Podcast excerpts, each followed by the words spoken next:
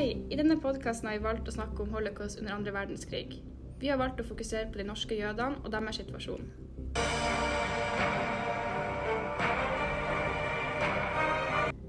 Situasjonen i Norge var jo at det var om lag 2000 jøder ved invasjonen 9.4.1940. Men allerede i mai samme år så ba Gestapo, altså det tyske hemmelige politiet, eh, norsk politi om å inndra jødens radioapparater. Og det kom svake protester fra den norske administrasjonen, så det var ikke så veldig mye å gjøre med det. I januar 1942 bestemte det norske politidepartementet at jødenes legitimasjonskort skulle stemples med en J i rød farge. Og dette minner jo veldig om situasjonen i Tyskland, der de allerede i 1939 på høsten måtte bære et armbind med en blå davidstjerne hvis de var jøde. Dette tiltaket gjorde jo at eh, Gestapo og, og norsk politi fikk oversikt over jødenes adresse, noe som førte til at over 1500 jøder ble registrert. Og når han Quisling eh, ble utnevnt til ministerpresident i februar 1942, var et av hans første embetshandlinger å gjennomføre eh, den del av eh, Grunnloven som sier at eh, jødene er forbudt adgang i landet. Eh, allerede før 1942 ble flere jøder arrestert av Gestapo. Flere ble også deportert til tyske konsentrasjonsleir, og, og f.eks. i Trondheim så ble fire jøder henretta i mars 1942.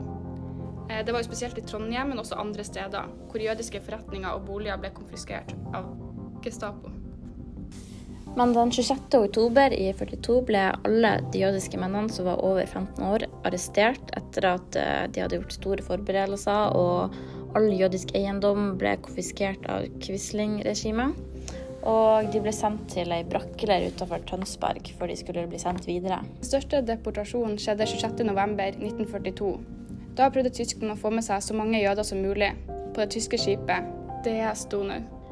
Målet var jo å ta med seg alle, men de fikk bare med seg 529 norske jøder til eh, konsentrasjonsleirene. Og eh, i februar i 43 så kom det en ny og større transport og med skipet Gotenland.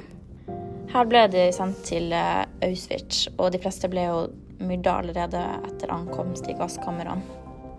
Mens noen ble satt til arbeid i leiren, men de fleste døde etter hvert, og det var veldig få som overlevde. Til sammen så ble 773 jøder deportert fra Norge. De fleste direkte til Auschwitz, hvor kun 38 overlevde.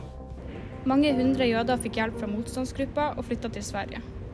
Målet til tyskerne var jo å ta livet av alle jødene i Europa, men ikke alle ble sendt direkte til eh, utryddelsesleirer. Noen ble sendt til konsentrasjonsleirer med, og hadde som formål å tvangsarbeide. Av de norske jødene som returnerte, var han Samuel Steinmann den siste jøden som døde. Dette skjedde i 2015. På venstrearmen sin hadde han et nummer som alltid ville minne ham om årene i fangenskap. Der sto det 79 231.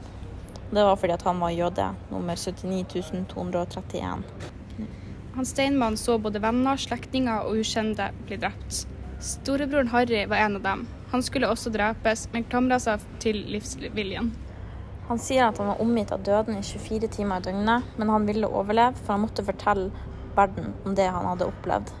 Og det var hans forpliktelse overfor de som hadde dødd. Noen døde av sykdom, andre frøs i hjel, noen tok livet sitt med å hoppe på det elektriske gjerdet, og noen var for svak og ble sendt til gasskammeret. Gjennom tilfeldigheter, flaks og livsvilje klarte han seg da. Når han returnerte, var han veldig taus. Han fortalte ikke kone eller barn om sine opplevelser, minnene var for onde, og det tok et halvt år før han kunne le og gråte igjen. Under holocaust ble mer enn seks millioner jøder drept. I løpet av en kort og hektisk periode hadde Norge praktisk talt blitt tømt for jøder. Ved folketellinga i 1946 ble det registrert 559 jøder. Veien tilbake til et vanlig liv etter krigen var veldig vanskelig for veldig mange jøder. Det tok lang tid for at de fikk seg jobb eller bolig. og Spesielt for de som hadde opplevd traumatiske ting, og f.eks. de som hadde flytta til Sverige. Var det ikke alle som returnerte til Norge igjen.